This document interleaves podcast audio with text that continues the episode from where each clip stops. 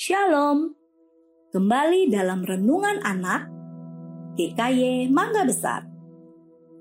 Sabar menunggu waktunya Tuhan. Kejadian 16 ayat 1 sampai 4. Suatu hari, karena lapar, seekor anak musang meminta makanan kepada ayahnya. Tetapi ayah musang mengatakan bahwa saat ini mereka tidak ada persediaan makanan karena ia tidak berani untuk pergi berburu makanan. Penduduk di kampung sedang berkeliaran dan melakukan buruan besar-besaran untuk menangkap mereka. Kemudian ayahnya berkata lagi, "Bagaimana jika kita memancing di sungai? Itu jauh lebih aman daripada memburu ayam di perkampungan." Mendengar usulan ayahnya, anak musang yang lapar akhirnya mengikuti ayahnya ke sungai untuk memancing. Sekian lama mereka memancing, tidak ada satupun ikan yang tersangkut di kail. Anak musang mulai marah dan merengek kepada ayahnya. Ayahnya menyuruhnya untuk sabar, tapi ia sudah tidak sabar lagi. Tanpa seizin ayahnya, anak musang diam-diam menuju perkampungan penduduk. Sesampainya di perkampungan, anak musang melihat ayam sedang berkeliaran bebas. Tanpa membuang waktu, ia langsung menerkam ayam tersebut. Tapi tiba-tiba, hap, anak musang terjebak dalam jaring. Rupanya, ayam itu sengaja dijadikan umpan untuk menangkap musang. Teman-teman, karena tidak sabar, anak musang akhirnya ditangkap oleh penduduk dan harus berpisah dari ayahnya.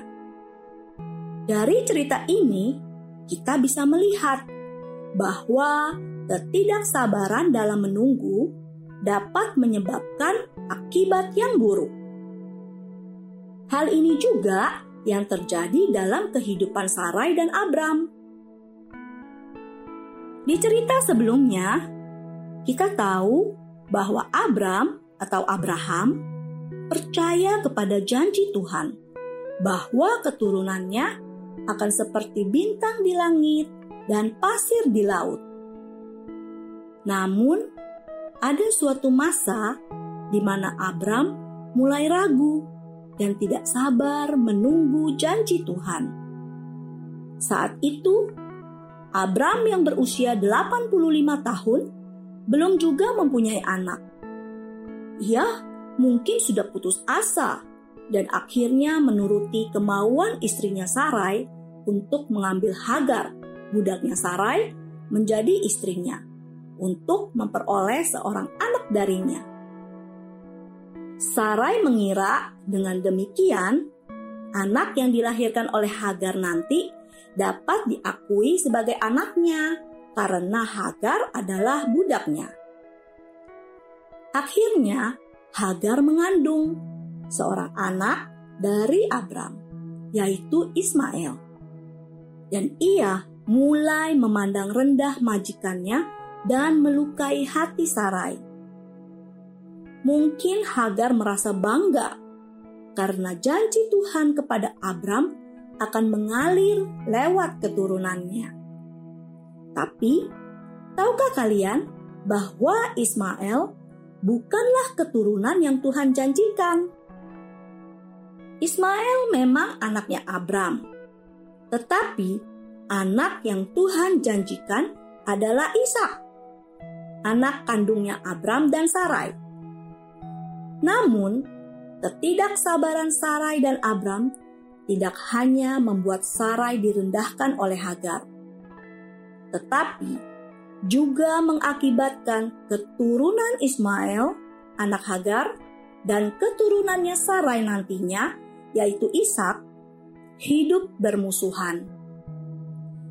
Teman-teman, jikalau saja Sarai dan Abram mau sabar dalam menunggu waktunya Tuhan, janji Tuhan pasti akan tergenapi, dan hal yang buruk tentu tidak akan terjadi. Oleh karena itu, marilah kita belajar dengan sabar menunggu waktu Tuhan. Mungkin saat ini kita sudah berdoa kepada Tuhan, menyampaikan keinginan dan permohonan kita kepada Tuhan. Tapi sampai saat ini, doa kita belum dijawab sama Tuhan. Kita mungkin mulai bertanya-tanya, Tuhan dengar gak sih doanya saya? Tuhan kapan sih jawab doa saya?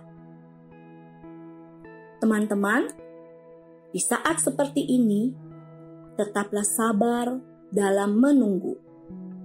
Sebab Tuhan yang kita percayai adalah Tuhan yang Maha Kuasa ia sanggup menolong kita dan menggenapi janjinya tepat pada waktunya.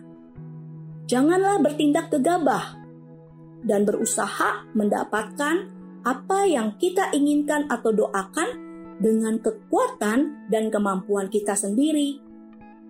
Karena itu akan menimbulkan persoalan yang baru bagi kita. Bagian kita adalah mempercayai Dia dan melakukan yang terbaik. Tuhan akan melakukan sisanya, sebab waktu Tuhan selalu yang terbaik, dan Dia tahu kapan dirinya harus bertindak. Kiranya Roh Kudus menolong setiap kita untuk sabar menunggu waktunya Tuhan. Amin. Tuhan Yesus memberkati.